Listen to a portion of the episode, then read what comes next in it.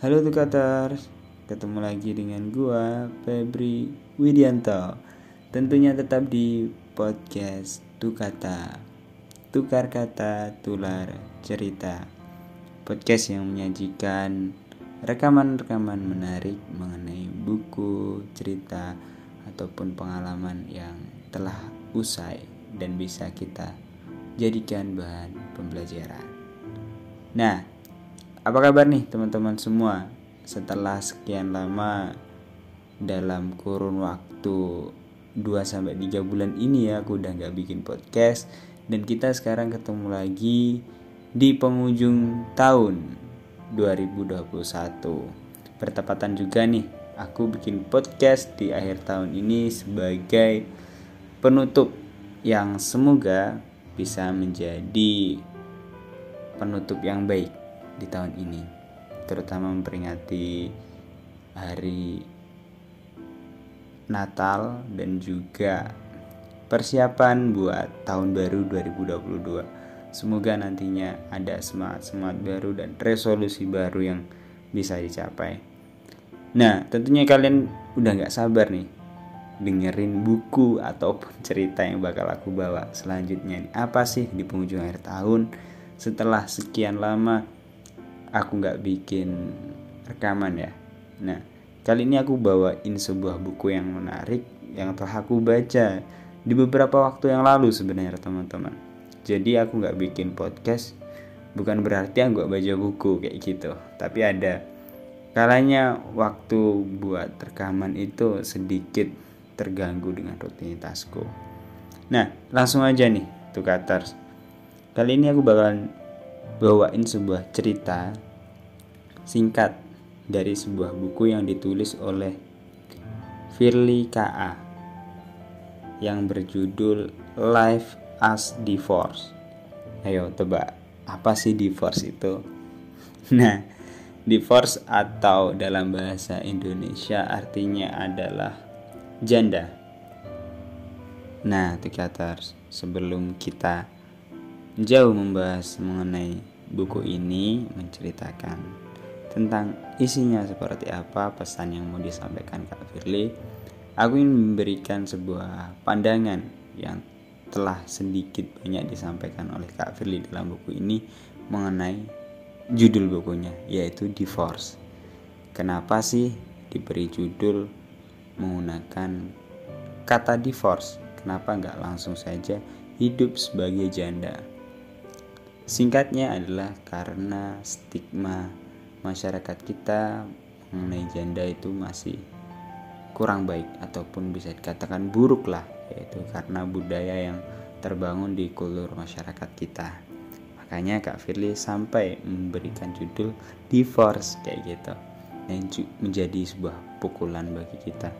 Dan juga memberi gambaran bahwasannya seperti ini masyarakat kita saat ini masih gitu dan tentunya Kak Firly coba memberikan pandangan untuk kita menjadi lebih baik dan lebih maju untuk tidak tabu lagi dan menganggap ya janda itu sama saja seperti status masyarakat lainnya.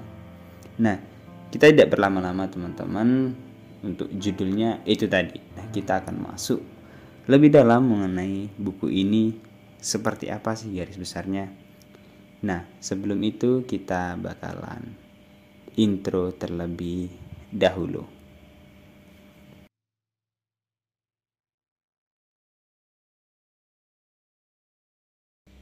Oke Tikaters, kita masuk ke pembahasannya. Jadi ketika kita membahas tentang janda pasti selalu berkaitan dengan perceraian. Nah, kurang lebih Kak Firly ini mau menceritakan mengenai perceraian itu seperti apa, pernikahan itu bagaimana, dan tipsnya ataupun hal-hal yang seharusnya bisa kita lakukan nih untuk teman-teman yang sudah menikah maupun yang belum menikah terutama mengenai pre-marriage talk ataupun percakapan sebelum pernikahan kayak gitu. Di kalimat pertama ataupun kata-kata yang menarik dari Kak Firly yang aku kutip yaitu mengenai perceraian kita tahu kalau sebagai muslim mungkin ya ada yang pernah membaca dalil ataupun kalimat mengenai Allah itu sangat tidak suka ataupun tidak menyukai perceraian. Namun Kak Firly menuliskan perceraian adalah emergency exit yang disediakan Tuhan ketika kita sudah tidak sanggup lagi berada di dalam hubungan pernikahan. Dari kalimat ini menggambarkan bagaimana menurutku perjuangan Kak Firly waktu itu. Bagaimana pernikahannya sampai dia berani mengatakan bahwasanya perceraian itu ya memang sebuah pilihan. Perceraian itu ada yaitu kita nggak nggak harus mempertahankan oh ber, aku bercerai berarti aku nggak baik ya itu nggak tapi Kak Firly coba berikan gambaran bahwasannya memang ada jalan yang harus diambil ketika pernikahan ini sudah benar-benar di luar nalar dilakukan banyak pertikaian ada yang dirugikan salah satu pihak sudah tidak berjalan seperti apa yang dibicarakan sebelumnya kayak gitu. Nah, kenapa ada hal seperti ini ataupun perceraian ini kayak gitu? Pastinya banyak yang melatar belakangnya. Nah, Kak Firly mencoba memberikan pandangan ataupun hal-hal yang yang melalui pengalaman dia agar nantinya teman-teman di sini yang mendengarkan podcast atau tukaters di sini bisa mengambil pelajaran dari Kak Firly. Nah, keputusan menikah di usia muda adalah keputusan yang valid juga. Jika dalam perjalanannya berubah, pikiran itu berbeda lagi. Mungkin teman-teman di sini beranggapan bahwasannya menikah muda akibat menikah muda pasti bercerai karena kurang matangnya uh, emosi dan lain sebagainya. Mungkin itu adalah faktor pendukung juga. Namun Kak Firly di sini menerangkan menikah di usia muda itu ya valid gitu. Tapi ketika di pertengahan jalan ada sebuah perubahan dan dan yang mengakibatkan hubungan dalam pernikahan itu menjadi tidak baik yaitu urusan lain lagi kayak gitu. Nah Kak Firly di sini juga memberikan cerita ataupun alur yang menarik ya mulai dari kehidupan dia sebagai janda di, pandangan masyarakat itu seperti apa, kemudian proses perceraian bagaimana dan seharusnya yang dilakukan kita yang belum menikah terutama agar tidak terjadi hal yang tidak diinginkan dalam dunia pernikahan itu bagaimana itu Kak Fili coba memberikan pandangan? Seperti primary stock apa aja yang perlu kita diskusikan? Seperti itu. Nah Kak Firly juga memberikan pesan mengenai divorce ataupun sebelum kita memutuskan untuk menjadi janda ya bercerai ketika saat ini mungkin tukaters dalam hubungan ataupun menjalin pernikahan yang sudah di ujung tanduk lah. Pertama divorce itu nggak sama dengan kembali single ya teman-teman. Beda banget setelah kita menikah kemudian menjadi single. Status kita mungkin akan tetap menjadi manusia biasa. Cuma secara uh, sosial. Mungkin masyarakat akan janda beda dengan single. Dari segi tanggung jawabnya dari segi uh, sosialnya itu berbeda. Mungkin teman-teman di sini yang sudah memiliki anak kemudian bercerai bagaimana yang harus dilakukan itu berbeda banget. Yang kedua ketika kita menjadi janda kita harus siap dengan tugas ganda. Tugas ganda ini apa ya tentunya tukater sudah menyadari tugas kita harus mungkin yang sudah punya anak tadi menjadi seorang ibu sekaligus seorang bapak harus menjadi seorang pencari nafkah keluarga kayak gitu. Nah divorce juga harus berani sendiri kayak. Nah di sini mungkin teman-teman perempuan ini terutama ya. Bukan berarti ketika kita divorce kita kita harus tetap manja-manjaan.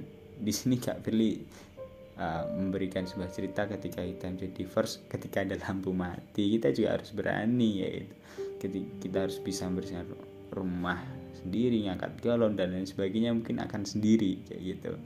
Ya intinya menjadi divorce itu menjadi menurutku menjadi pahlawan dirinya sendiri lah dan keempat soal finansial. Beda banget ketika menjadi janda dan menjadi uh, masih ada suami ya kayak gitu.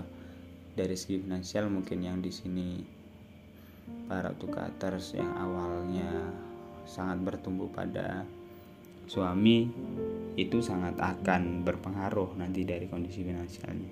Kita harus mencari nafkah lebih harus mencari pekerjaan lagi yang sebelumnya tidak bekerja kayak gitu kemudian komunikasi dengan mantan suami ya nggak segampang kedengarannya.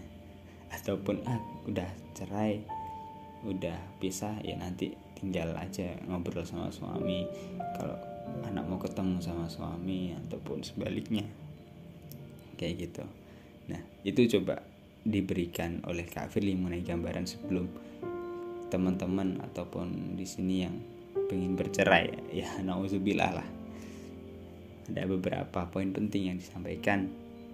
Ini loh kalau kalian milih benar-benar sudah di ujung tanduk pengen bercerai yaitu tadi beberapa hal sih kecil yang perlu menjadi pertimbangan ataupun gambaran.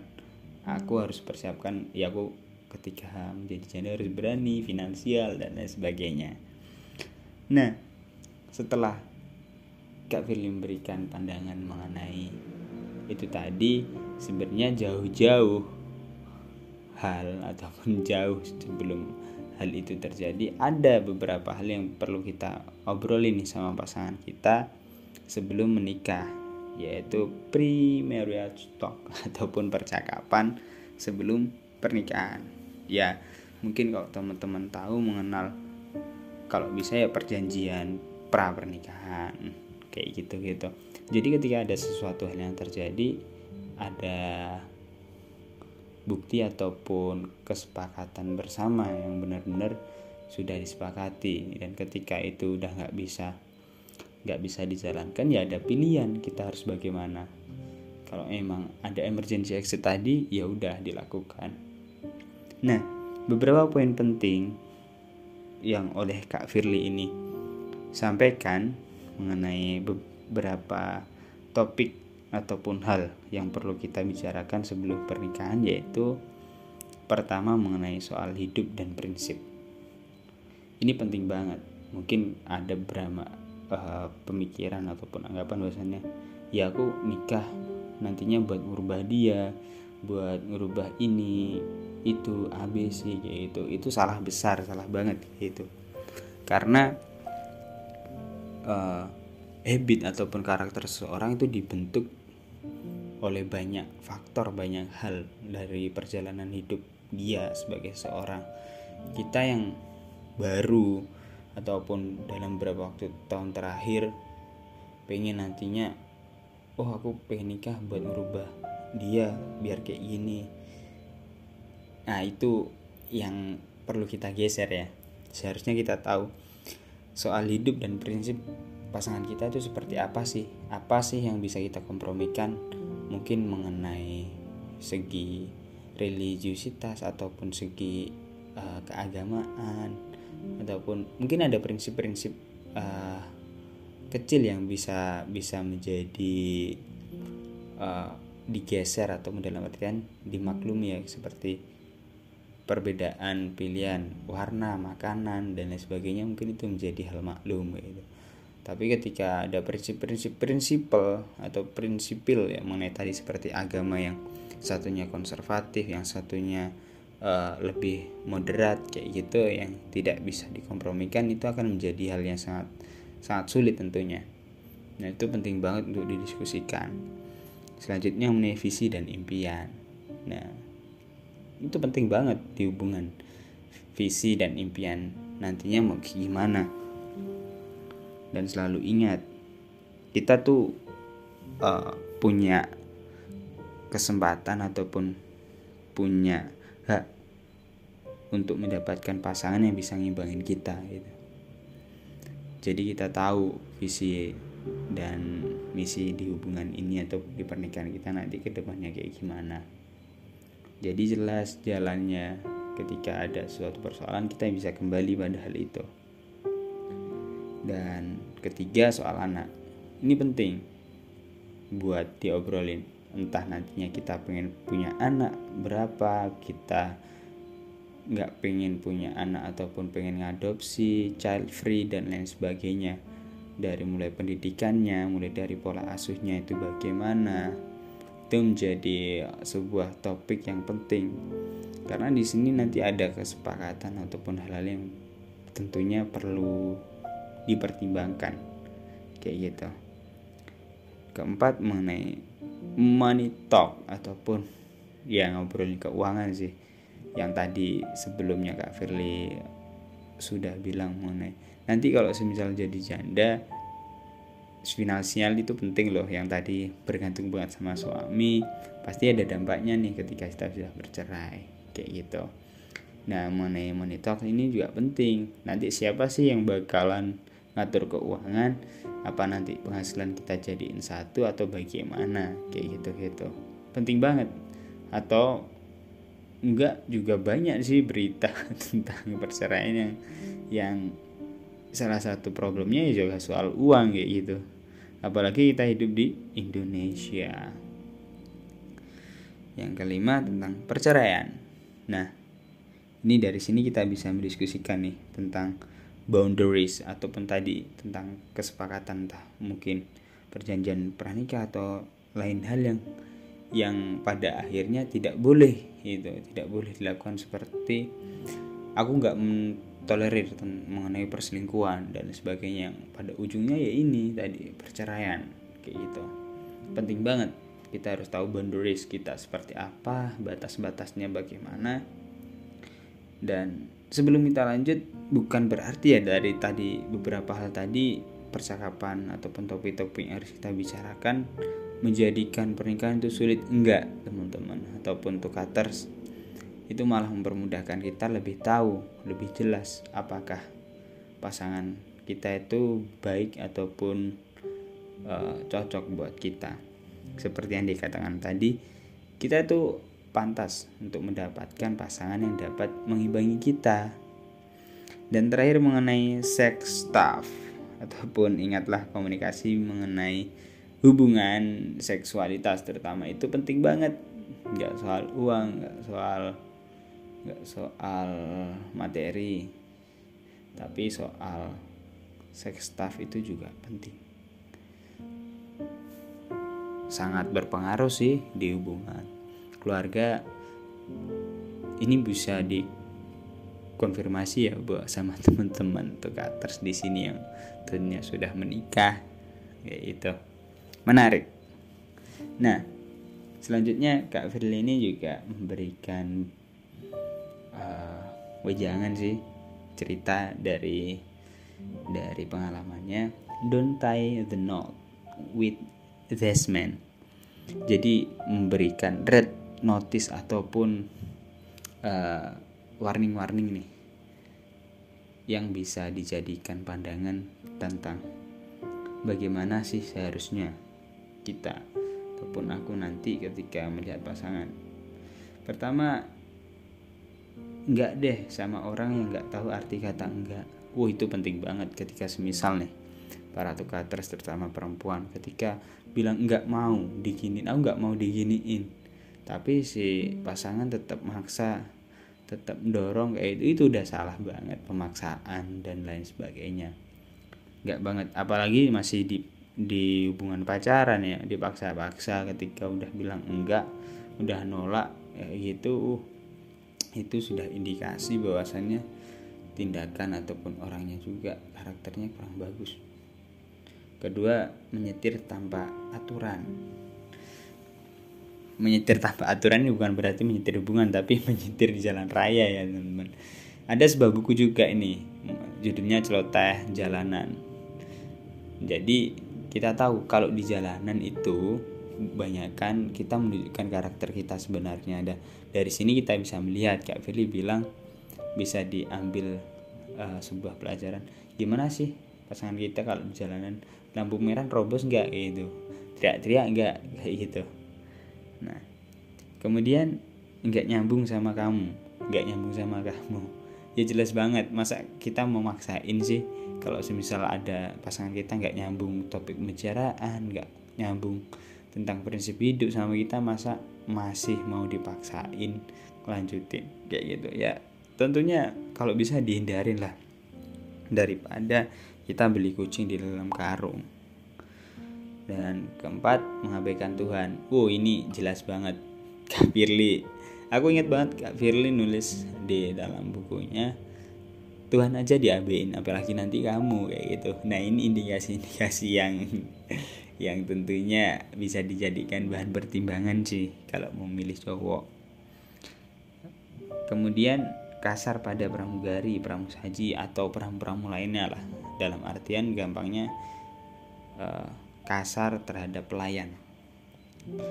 Sama siapa aja sih nggak cuma pelayan sama orang lain. Kita bisa tahu nih uh, hubungan interpersonal dia itu gimana ke orang bagaimana dia memperlakukan orang kayak itu karena juga banyak anggapan keilmuan seseorang ataupun orang itu dianggap menjadi baik ya ketika bagaimana sih orang itu ataupun kita memperlakukan orang lain dan terakhir nggak ada butterflies on my stomach feeling yaitu apa sih itu nah yang terakhir ini bisa teman-teman baca sendiri di bukunya ya ini buat biar teman-teman penasaran dan bisa baca bukunya langsung.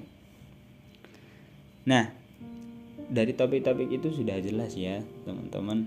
Kak Firly memberikan pandangan bahwasannya kehidupan menjadi janda itu juga perlu pertimbangan. Kemudian menikah itu juga asal menikah, ujuk-ujuk menikah yaitu. Karena apa? Ketika kita milih menjadi janda di masyarakat stigmanya buruk ketika ada yang deketin dibilang wah ini perempuan murahan kayak gini jadi pengganggu rumah tangga orang A B C D itu nah juga ada pertimbangan banyak pertimbangan ketika kita punya anak. Apakah kita nanti harus ataupun mau menjalin hubungan lagi nih buat menikah lagi atau gimana? Kak Firly juga memberikan uh, cerita nih yang harus dilakuin ataupun seharusnya kita lebih baik tuh ada percakapan ataupun ngobrol. Ayo kita ngobrol nih sebelum nikah ini ini ini kayak tadi. Itu penting banget. Dan Kak Fili juga bilang having baby itu bentuk dari komitmen atau juga bisa tradisi sementara having sex itu pure lust a kind of basic primal need everybody does in many form secretly Iya, yang yang ini aku sambungin sama yang tadi ya, yang sex stuff tadi, yang harus menjadi salah satu perbincangan juga sebelum kita menikah. Sebenarnya banyak banget nih kalau kita bicara tentang divorce. Ada juga ketika kita sebagai anak lah dari dari divorce dari hubungan yang dikatakan broken home kayak gitu Kak Philip bilang, anak-anak yang orang tuanya bercerai nggak perlu sih dicap sebagai anak broken home. Nggak seperti itu. Ya ini yang tadi aku katakan stigma masyarakat yang masih buruk. Dianggap kalau semisal orang tuanya bercerai itu nggak baik. Maka anaknya nanti jadi berandalan A B C D A kayak gitu. Seharusnya kita bisa merangkul tetap menjadi yang baik yaitu menjadi partner untuk teman kita yang mungkin keluarganya seperti itu kayak gitu itu penting banget nah itu mungkin itu tadi yang terakhir ya mengenai pesan Kak Firly jangan mengecap anak yang orang tuanya mengalami perceraian menjadi anak yang broken home. Kalau aku simpulin dari buku ini bahwasannya menikah itu perlu banyak pertimbangan. Dan dari proses menjalani pernikahan ketika di tengah-tengah ada sebuah perubahan itu sebuah hal yang berbeda dan harus siap kita jalani ketika sudah di ujung tanduk ada yang namanya emergency exit kalau kata Firly yaitu perceraian dan Kak Firly juga memberikan tips ataupun menceritakan mudah banget buat bercerai ataupun Kak Firly juga memberikan cerita bagaimana dia bercerai. Kok kayak mudah banget sih Kak Firly bercerai sampai nulis cerita kayak gini kayak gitu Kak Firly juga mengakui di akun media sosialnya bahwasannya banyak sekali yang DM dia gimana sih caranya cerai kak? Gitu gitu salah satu hal yang diberikan atau diceritakan oleh kak Firly bahwasanya dia nggak nuntut banyak intinya dia pengen cerai gitu karena sudah sudah benar-benar red notice hubungannya. Dan itu tadi sih yang bisa aku ceritain kurang lebihnya dan banyak pelajaran yang bisa kita ambil dari bukunya Kak Firly ini. Dan let's normalize normalize being divorced. Kita sebagai manusia harus tahu dan harus bisa menjadi lebih maju lah di masyarakat ini. Dan buat teman-teman yang pengen hubungi Kak Firly pengen cerita pengen ngobrol soal ini tadi lebih dalam bisa langsung hubungi beliau di akun media sosialnya di akun Instagramnya Firly KA sama teman-teman bisa cerita bisa berbagi pengalaman mungkin tanya-tanya ya soal perceraian itu kayak gimana. Dan teman-teman juga bisa belajar dari pengalaman beliau.